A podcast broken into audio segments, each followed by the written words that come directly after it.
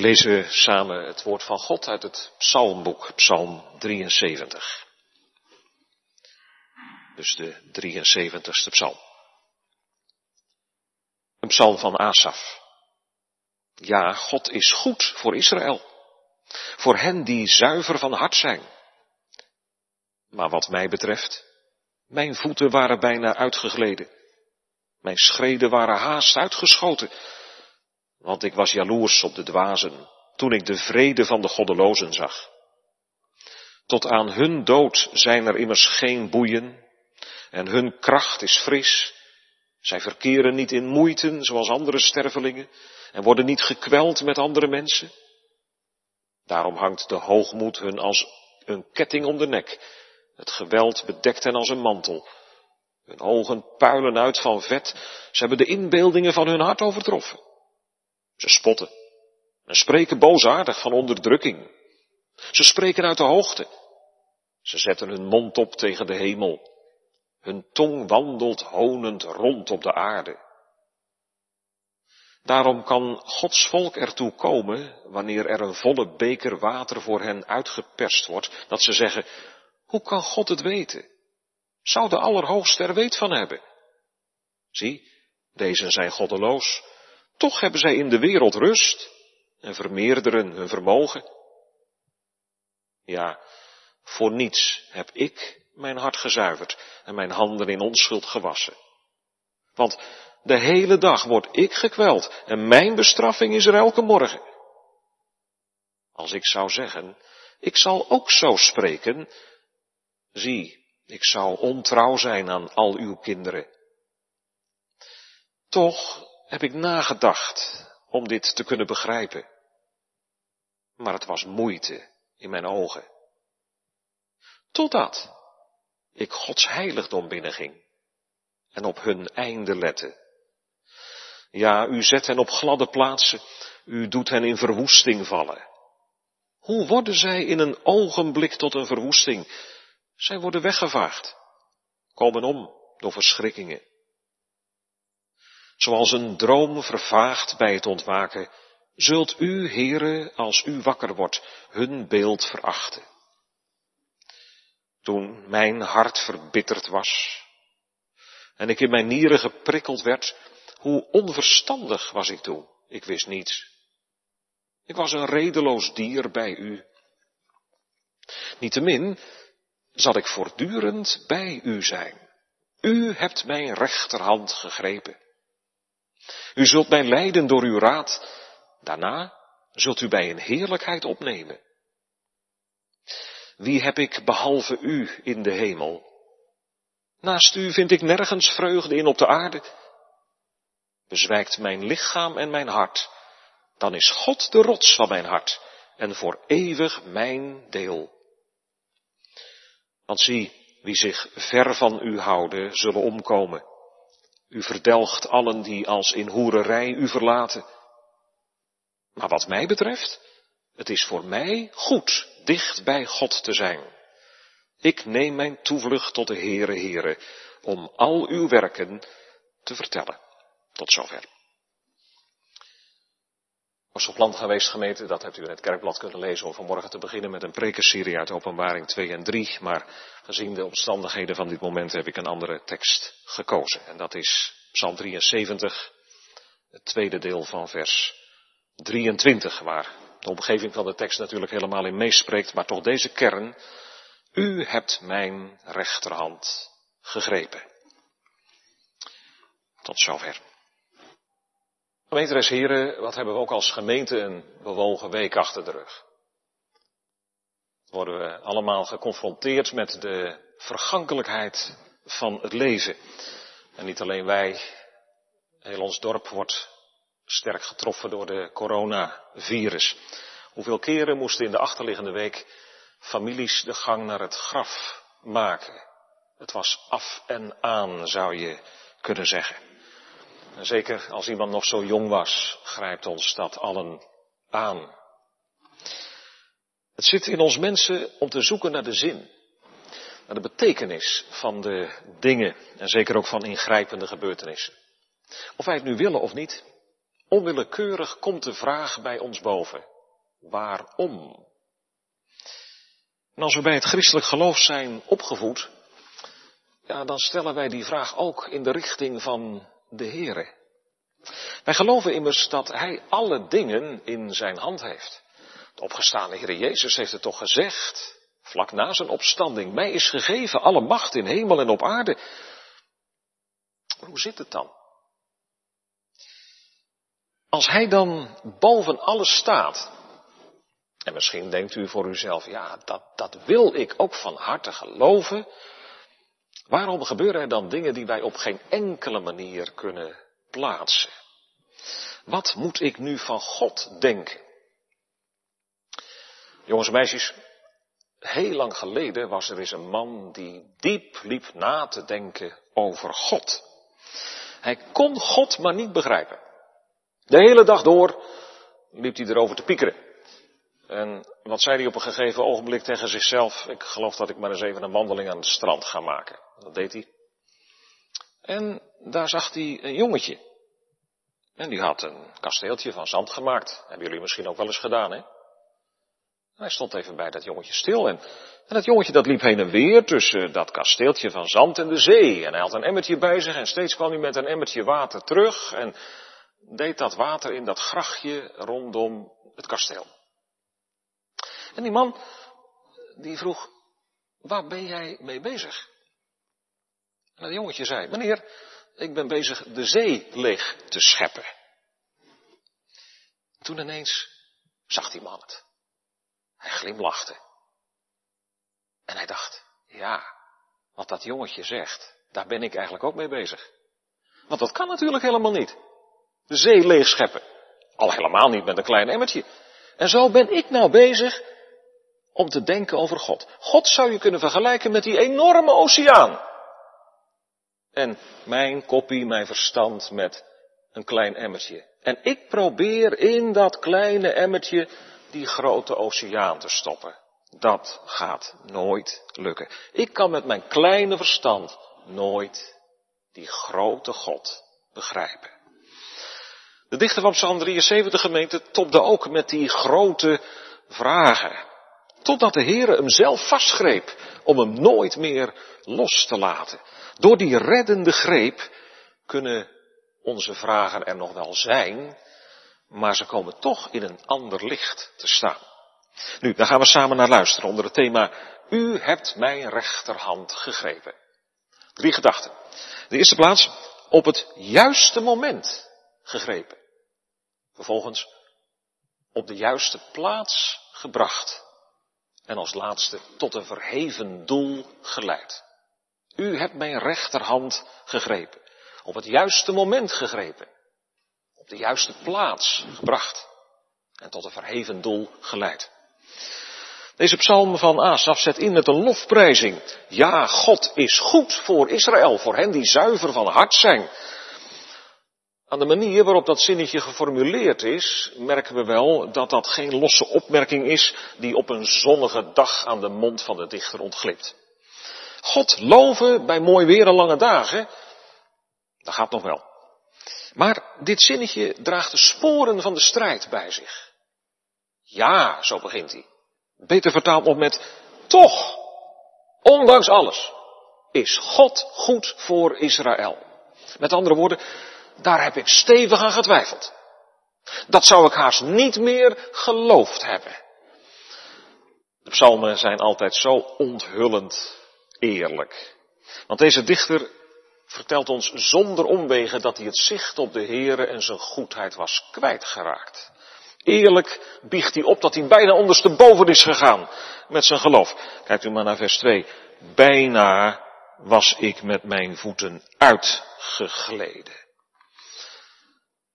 Jongens en meisjes, misschien ben je wel eens in de bergen geweest. En dat er toen het volgende gebeurde. Je ging met elkaar een wandeling maken. Het had een beetje geregend, dus de, paadjes waren wat glibberig. En daar, daar liep je op zo'n smal bergpaadje, heel hoog, weet je wel. En je zag aan de andere kant van het pad het ravijn liggen. Maar plotseling struikelde je. En je, begon te glijden op dat glibberpaadje. Nog net op tijd kon je vader je vastgrijpen. Anders, je moet er niet aan denken. Dan was je zo in het ravijn geleden. Dan was je er niet meer geweest. Gelukkig. God heeft je bewaard. Nou, zo is het dan met, met deze dichter. Bijna was het helemaal verkeerd gegaan. Met zijn geloof, bijna was hij zijn God kwijtgeraakt. Het scheelde maar een haartje. Dat kan dus. Dat een kind van God eerst zo vol van Gods goedheid, een volgend ogenblik alles kwijt lijkt te zijn. Komt dat? Asaf vertelt het ons uitgebreid in deze psalm. Hij ziet om zich heen dingen gebeuren die hij niet meer kloppend kan krijgen. Hij ziet heel veel mensen die hun eigen gang gaan en alleen maar uit zijn op eigen belang, op rijk worden en leuke dingen doen. Mensen die zeggen, aan God heb je niks. En voor zijn goedheid koop je niets in deze wereld. Ze talen niet naar Gods geboden en ze zetten een grote mond op tegen de schepper van hemel en aarde. En het verbijsterende is, ze kunnen nog gewoon hun gang gaan ook. Het gaat ze voor de wind en God grijpt niet in. Het is voor deze mensen echt helemaal lang levende lol. Maar er is iets dat het voor deze dichter nog veel erger maakt, nog veel onbegrijpelijker. Het gaat hier namelijk maar niet om mensen die niet beter weten, wij zouden zeggen mensen van de wereld, mensen die niet bij God en zijn woord zijn opgevoed, maar om mensen binnen Israël, die heel goed weten hoe het zit. Die het teken van Gods verbond in hun lichaam dragen, voor zover ze man of jongen zijn, dan zijn ze besneden. Gods geboden zijn nu met de paplepel ingegoten. Wij kunnen vandaag zeggen mensen die bij de kerk horen, maar die eigenlijk niks met God hebben. Die niet denken aan het teken van de doop dat aan hun voorhoofd is bevestigd. Die zo misschien onderling nog wel eens over het geloof van hun voorouders praten en die dan zeggen, leest u maar hè, in vers 11, geloof jij nou echt dat er een God is in de hemel die ons hier op de aarde ziet? Wel nee, dat zijn allemaal praatjes uit de voorbijgegaane cultuur. Pure bangmakerij. Wij weten inmiddels wel beter. En daarom laten we het er nog eens heerlijk van nemen in ons leven. Dat zijn dus mensen die heus nog wel eens een gedachte aan God wijden. Want ja, als je het meegekregen hebt, kom je er nooit meer helemaal los van. Hoe vervelend dat ook is. Maar die God, die heeft niets te maken met de werkelijkheid van jouw leven. Dat is jouw eigen terrein. Nou, op jouw eigen terrein maak jij het beste ervan. Geniet van het leven, want het, het duurt maar even. En of je het dan allemaal eerlijk verdiend hebt, en of je een ander misschien opzij gedrukt hebt, ach, daar kraait geen haan naar. Ga je gang. En de Heere? Het lijkt alsof hij er niets aan doet. Hij tolereert alles maar. En dan nog iets. Asaf legt zijn eigen leven eens naast dat van de goddelozen onder het volk. Hem zit alles tegen. Hij ziet tegen elke dag als tegen een berg op. Hij heeft zijn lichaam niet mee. Hij moet lijden. En de Heere? Waar is hij? Waarom reageert hij niet? Hij schijnt zich niet druk te maken om het lijden van zijn kind. En misschien is er vanmorgen iemand die deze vragen zo herkent. Ze zijn nu op het lijf geschreven. U topt ermee, jij topt ermee.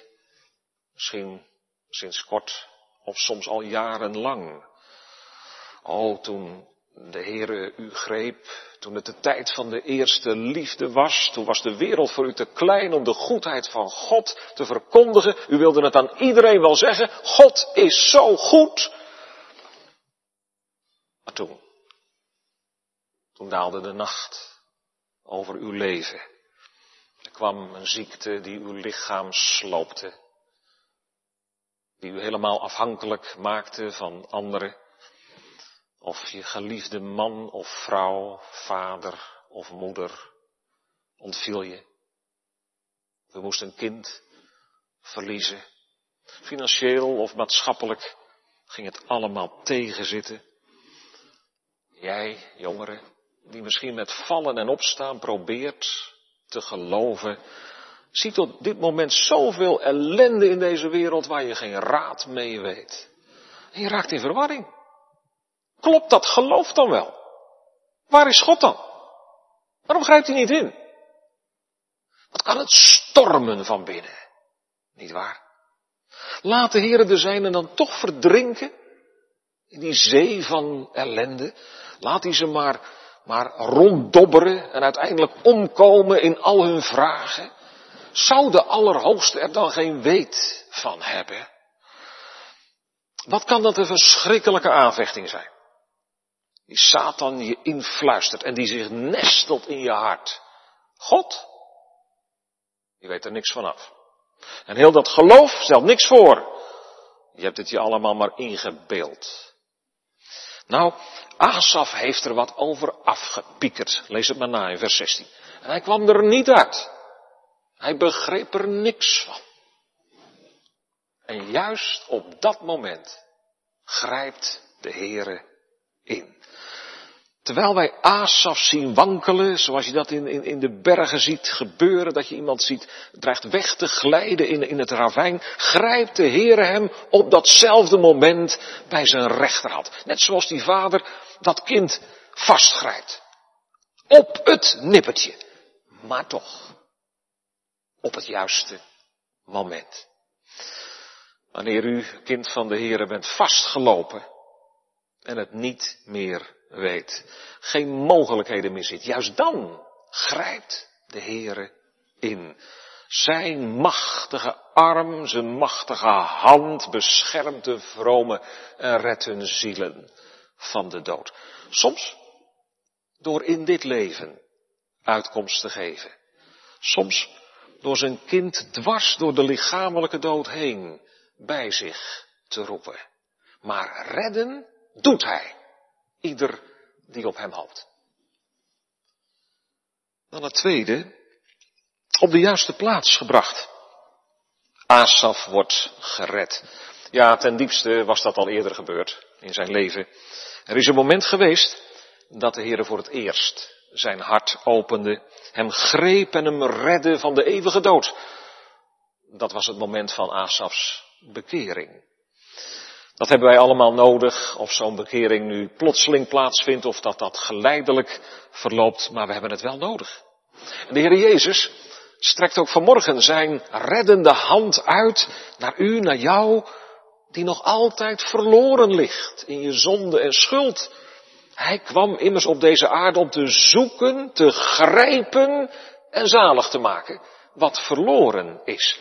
Hij is het die ook vanmorgen ons zijn vriendschap biedt. Hij steekt zijn hand naar je uit. Leg nou je hand in zijn handen. Met beleidenis van je schuld. Vertrouwend op het offer dat hij op Golgotha gebracht heeft. Maar nu is het alsof Asaf opnieuw gegrepen wordt. Midden in dat dal van zijn vragen en verbittering. Diezelfde God, die hem eens reddend had gegrepen, die hem door de band van het geloof aan zich verbond, die God grijpt hem nu opnieuw bij de hand. En dan is het belangrijk te zien hoe en waar de Heere dat doet. We lezen dat in vers 17. Ik begreep er helemaal niks van, zegt Asaf, totdat ik Gods heiligdom binnenging. Daar scharniert deze hele psalm op. Hier vindt de grote wending plaats in Gods heiligdom. En dat was voor Asaf op dat moment het tabernakel. Als door een onzichtbare hand werd hij daarheen geleid. Is hij er naar gewoonte naartoe gegaan, zoals een godvrezende Israëliet dat geregeld deed? Of heeft hij gedacht in al zijn vragen, kom laat ik toch maar eens naar het heiligdom gaan, misschien dat ik daar een antwoord zou kunnen ontvangen? Zoals misschien iemand op deze dienst heeft afgestemd met de gedachte, misschien kan ik er een graantje van meepikken. Je weet het maar nooit. We weten er niet precies hoe het gegaan is. In elk geval, hij is daar gekomen. Iemand schreef eens een boek onder de titel Waarom zou ik naar de kerk gaan? Eigenlijk in deze tijd en omstandigheden een beetje pijnlijke titel, vindt u niet? Maar toch, hij geeft er meer dan twintig antwoorden op. Een ervan is om wegwijs gemaakt te worden. In Gods huis wil de Heer ons wegwijs maken in het oerwoud van de vragen waar wij in het leven tegenop lopen. En die gang naar de tabernakel is voor Asaf onvergetelijk geworden. Dat bleek de juiste plaats te zijn. Kijk, als wij in deze wereld rondkijken, en ook in ons eigen leven soms, dan zien we soms voor ons gevoel zo weinig of niets van God. Maar dat is kijken vanaf de buitenkant. Als de Heilige Geest je ogen opent, dan leer je kijken vanuit de binnenkant, vanuit het heiligdom. En dat betekent voor ons vandaag gelovig kijken vanuit het hart van het evangelie, zoals dat op Golgotha zichtbaar is geworden. Gemeente, als er nou ooit één moment in de wereldgeschiedenis is geweest waarop niets meer van God te zien was, dan was het daar. Als Jezus daar hangt, steekt God geen hand uit. Dan klinkt die klacht naar boven. Mijn God, mijn God, waarom hebt u mij verlaten? God lijkt de grote afwezige, die zijn eigen lieve kind Jezus in het ravijn van de hel laat vallen. Hij reageert niet. En juist zo straft hij aan zijn zoon de zonden van verloren mensen. En juist zo beantwoordt hij de diepste vraag. Hoe wordt de verhouding tussen God en een zondig mens weer goed? Kijken vanuit het heiligdom. Wat daar precies gebeurd is en wat Asaf daar precies gehoord heeft, dat weten we niet. Maar vanaf dat moment kijkt hij heel anders tegen de dingen aan. En ik noem vanuit deze psalm vier dingen. Het eerste is dit. Hij ontdekt wat het lot is van de goddelozen onder het verbondsvolk. Van kerkmensen die zich niet bekeren en straks zo sterven. Hij zegt, zij storten van de top van eer in eeuwige verwoesting neer. Hun leven wordt één grote puinhoop. God prikt die zeepbel van hun mooie, welgedane leventje door. Wat een waarschuwing voor ons. Als we wel tot het volk van Gods verbond behoren, maar er geen verbindingslijn is met de Here in ons leven, dan blijkt je genotvolle leven een droom te zijn die bedrog is. Het tweede is dit. Asaf heeft daar in dat heiligdom ook ontdekt wie hij zelf is. Waarom zou ik naar de kerk gaan? Nog een keer de titel van dat boek. Een van de antwoorden is ook om mijn bestaan tot op de bodem te doorgronden. Het is niet zo fraai wat je dan ziet. Leest u maar in vers 22 van deze psalm. Hoe onverstandig was ik toen. Ik wist niets. Ik was een redeloos dier bij u. En voor redeloos dier staat in de Bijbeltaal een woord dat we ook met nijlpaard kunnen vertalen. Nou jongens en meisjes hebben er wel eens eentje gezien. In de dierentuin. Wat een kolos. Daar ligt hij in het water. Je ziet alleen zijn, zijn ogen en zijn, zijn kleine oortjes, hè, zo is dat, met, met zo'n nijlpaard en zijn neusgaten. En je ziet zijn enorme rug wegglijden in het water. Wat indrukwekkend.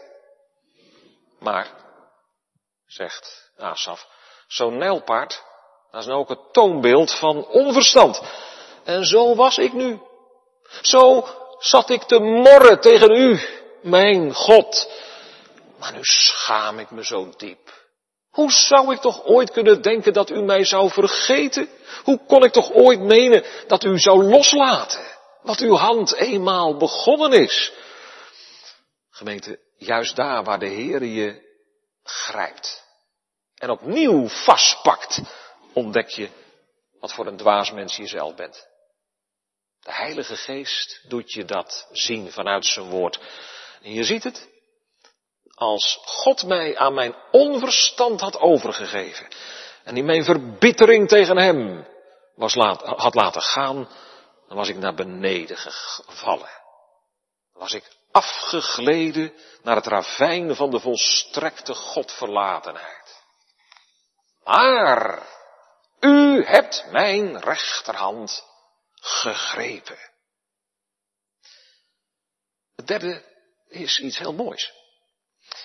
In het eerste deel van de psalm, u kunt het nalezen, had de dichter het steeds over God.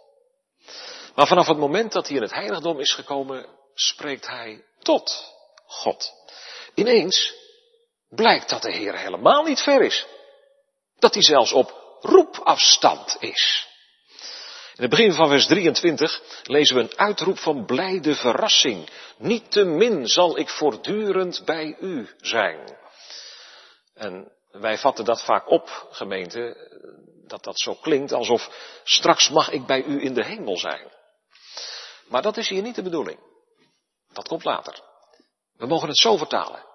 Maar ik ben immers altijd bij u. Ik dacht wel steeds, heren, dat u er niet was. En dat u al die schrikbarende toestanden onder uw eigen volk niet ziet. En dat de goddelozen hun gang maar kunnen gaan. En dat u niet meer aan mij denkt. Ja, dat dacht ik. Maar nu zie ik het. Ik ben immers altijd bij u. Sinds u mijn hand gegrepen hebt. Wat een ontdekking is dat gebed. Wij zien zo vaak aan wat voor ogen is. En dan kijken we net verkeerd. Als wij door de Heere ooit in ons hart gegrepen zijn. En door het geloof in de Heere Jezus Christus met Hem verzoend zijn. Dan vallen we nooit en te nimmer meer uit zijn hand. De Heere Jezus zegt, niemand zal mijn schapen uit mijn hand rukken. En niemand kan ze rukken uit de hand van mijn vader. Hoe komt het toch, hè, dat ik daar soms aan twijfel? Simpelweg, gemeente, omdat ik te weinig op Jezus zie. Te weinig het heiligdom van de hemel binnenga. Te weinig mij realiseer dat ik een opgestane heiland heb die altijd leeft om voor zijn volk op aarde, ook voor mij, te bidden. De Heere leidde Asaf het heiligdom binnen. En wat zag hij daar? Het slachtvee. En de altaren. Daar vloeit het bloed tot verzoening van de zonden. Mag ik het eens zo zeggen? Daar zindert de lucht van Christus. Daar spreekt alles van hem die aan het kruis ging en de zonde van de wereld droeg. Ja, het leek alsof God op Golgotha zijn volk voor altijd in de steek had gelaten. Maar het tegendeel blijkt juist daar het geval te zijn.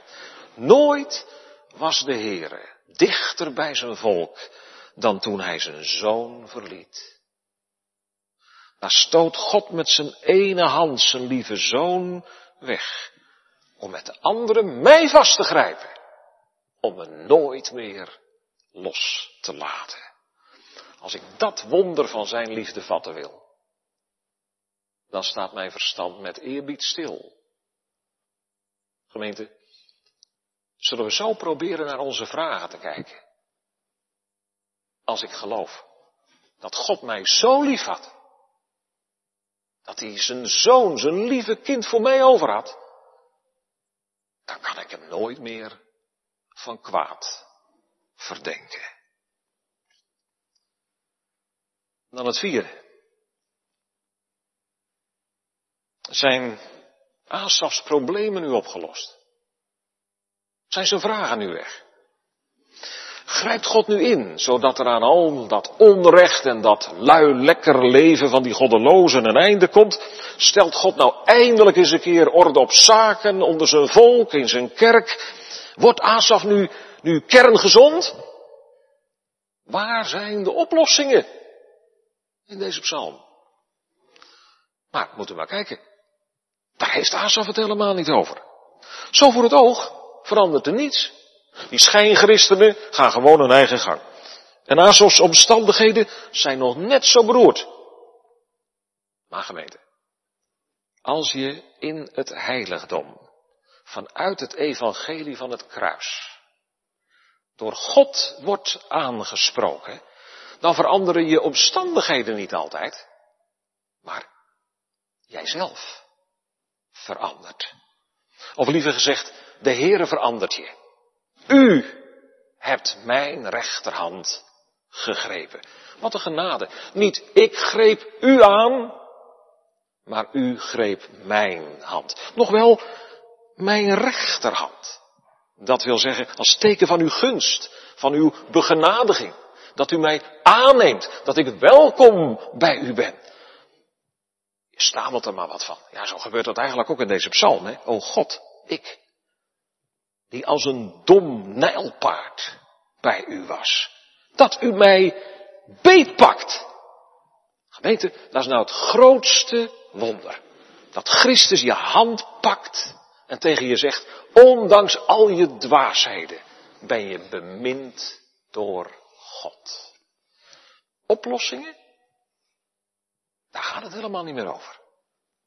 Ik hoef niet meer op al mijn vragen een antwoord te hebben. Maar dit te mogen weten. Ik ben immers altijd bij u, mijn God. Ik kan het wonder niet op. En hoe dan verder? Als laatste. Tot een verheven doel geleid. De Heer doet nooit halfwerk. Waar hij begint, daar werkt hij door. Dat blijkt wel uit vers 24. U zult mij leiden door uw raad. Die hand die mij redde van de dood, die mij behoede voor een totale val, die mij weer naar zich toetrok. Die goede hand zal mij nu ook verder leiden. Weer zegt Asaf, u. Let maar eens op hoe vaak dat ook in deze psalm staat. U. Heerlijk is dat. Het hangt dank niet van een mens af. Jongens en meisjes, je hebt soms van die, van die speelgoedmuisjes, hè? Nou, die wind je op en dan, dan gaan ze vanzelf. Maar zo is het niet met de gelovigen. De Heere zegt niet, ik geef de aanzet en nou moet je voor de rest maar zelf lopen. Het zelf maar zien te redden. Nee, hij leidt zijn kinderen heel hun levensgang van stap tot stap. Ziet u dat? U die de Heere lief hebt, maar net als Asaf zo heen en weer geschud kan worden. Uw goede God leidt u. Overeenkomstig zijn plan, zijn raad. Dus niet volgens uw plannen. Niet volgens mijn idee. Nou, wat ik zo graag zou willen. Wat moeten wij daar toch dagelijks aan sterven, gemeente? Aan onszelf, aan onze eigen ideeën, aan wat wij goed vinden en willen. Laat het maar met een gerust hart aan Hem over. Wandel maar achter Hem aan. Achter uw heiland. Met uw rechterhand in zijn doorboorde handen. Hij wijst u de weg. Zijn die niet altijd zo liefelijk gelegen als u zou wensen? Wil ze toch gaan? Hij gaat vooraan als de herder die zijn schapen leidt. Maar als je dat mag zien, als je, als hem mag zien, dan kan het uiteindelijk ook nooit meer misgaan. Dan voert hij ons langs wegen die het beste zijn en die naar zijn doel leiden. Soms begrijpen we er niks van. Soms denken wij, net als Asaf, dat de Heer het helemaal verkeerd doet. Dan kunnen we helemaal geen, geen zin, geen betekenis ontdekken in de wegen die Hij met ons gaat. Maar als ik weer vanuit het heiligdom leer kijken, door het geloof, dan zie ik weer hoe dicht ik bij Hem ben. Hoe Hij mij aan zijn hart drukt en aan zijn hart gedrukt houdt, ja, dan, dan hoor ik zijn vaderhart kloppen. En dan merk ik in zijn hart zo'n, zo'n tere fijngevoeligheid. Zo'n liefde. Dat ik erop vertrouw. Dat hij wel weet welke wegen ik zal gaan. Dat hij wel weet hoe hij het beste zijn doel met mijn leven kan bereiken. En dan, ja, dan komt er toch iets van een lofzang in mij boven. Heer, ik wil uw liefde loven, al begrijpt mijn ziel u niet. Soms tref je in een auto op het dashboard naast de bestuurder een sticker aan. En daar staat dan op, rij jij of rij ik? Met andere woorden, probeer nou maar niet mee te sturen met alle angstbewegingen van dien, maar laat het stuur in de handen van de bestuurder. En zo is geestelijk nou ook. Laat hem besturen, waken. Het is wijsheid wat hij doet. Zondaar bent u om raad verlegen. Verlangt u ernaar om wijs te worden tot zaligheid. Jongeren, zoek jij naar Gods leiding in die wirwar van je vragen. Ga naar het heiligdom, naar het woord van God, naar het evangelie van de Heer Jezus Christus. Hij is ons door God gegeven tot wijsheid. Hij is de wonderbare raadsman. En zijn wegen zijn altijd hoger en heerlijker dan de onze. Ja, ze lopen uit op de eeuwige heerlijkheid. Kijk maar, u, zult, u hebt mijn rechterhand gegrepen, u zult mij leiden door uw raad. Daarna zult u mij in heerlijkheid opnemen. Het laatste. Wat Gods reddende hand doet met zijn kinderen. Gemeente, je zou het dus eigenlijk heel kort zo kunnen samenvatten. Dat is nou Gods reddingswerk. Drie bewegingen van zijn hand. Dat hij je vastpakt, dat hij je leidt en dat hij je opneemt. Hij neemt ze op in zijn heerlijkheid, zoals God Henoch wegnam. Zoals hij Elia opnam in de hemel, en dan worden er in de oorspronkelijke taal dezelfde woorden gebruikt als hier. God rust niet voordat hij al zijn kinderen van alle tijden bij zich heeft in zijn heerlijkheid. Wat is dat dan? Dat is niet uit te leggen. De Bijbel zegt het zo, wat geen oog heeft gezien en wat geen oor heeft gehoord, wat in geen mensenhart is opgeklommen, wat God bereid heeft voor wie Hem liefhebben. Hier stokt onze taal. Hier beseffen we eens te meer dat is daarna, zoals onze tekst zegt. Nu nog niet. Maar wat moet dat wat zijn? Thuis te mogen komen in Gods heerlijkheid, zonder verteerd te worden. Te mogen wandelen in het licht van zijn stralende tegenwoordigheid zonder verblind te worden. Geen last meer te hebben van je zonde. Geen nijlpaarden trekken meer te vertonen maar Hem te mogen dienen in volmaaktheid. Ja, wat dat is. Apostel Johannes zegt het zo. Geliefden, nu zijn wij kinderen van God. En het is nog niet geopenbaard wat wij zijn zullen. Maar wij weten dat als Hij geopenbaard zal zijn, als Christus verschenen zal zijn, wij Hem gelijk zullen zijn. Want wij zullen Hem zien zoals Hij is. Dat is het daarna. Dwars door de dood neemt hij mij op in zijn schoot. Ik ben immers in leven en sterven het eigendom van mijn trouwe God en zaligmaker. Dat zal de ontknoping van mijn leven zijn. Een openbaring. Geen einde, maar een nieuw begin. Gemeente, mag ik het eens vragen. Is dat nou uw perspectief ook? Van jou? Jouw uitzicht? Asaf zet ze aan het einde van deze psalm heel nadrukkelijk naast elkaar. Als een of-of. Want zie, vers 27, wie zich ver van u houden, zullen omkomen. En dan tegenover vers 28, maar wat mij betreft, het is voor mij goed dicht bij God te zijn. Wat zal het voor ons zijn? De lichtglans van Gods vriendelijk aangezicht? Of wegglijden Een eeuwige duisternis. De vraag is ten diepste gemeente, wat verlangen wij? Verlangen wij oplossingen die ons liggen? Of zijn wij iemand geworden, en dat is puur genade, die genoeg heeft aan God zelf? Die ademt in het u van deze psalm. Ik heb mijn God. Dat is genoeg. Ik wens mij niets daarneven, daarnaast.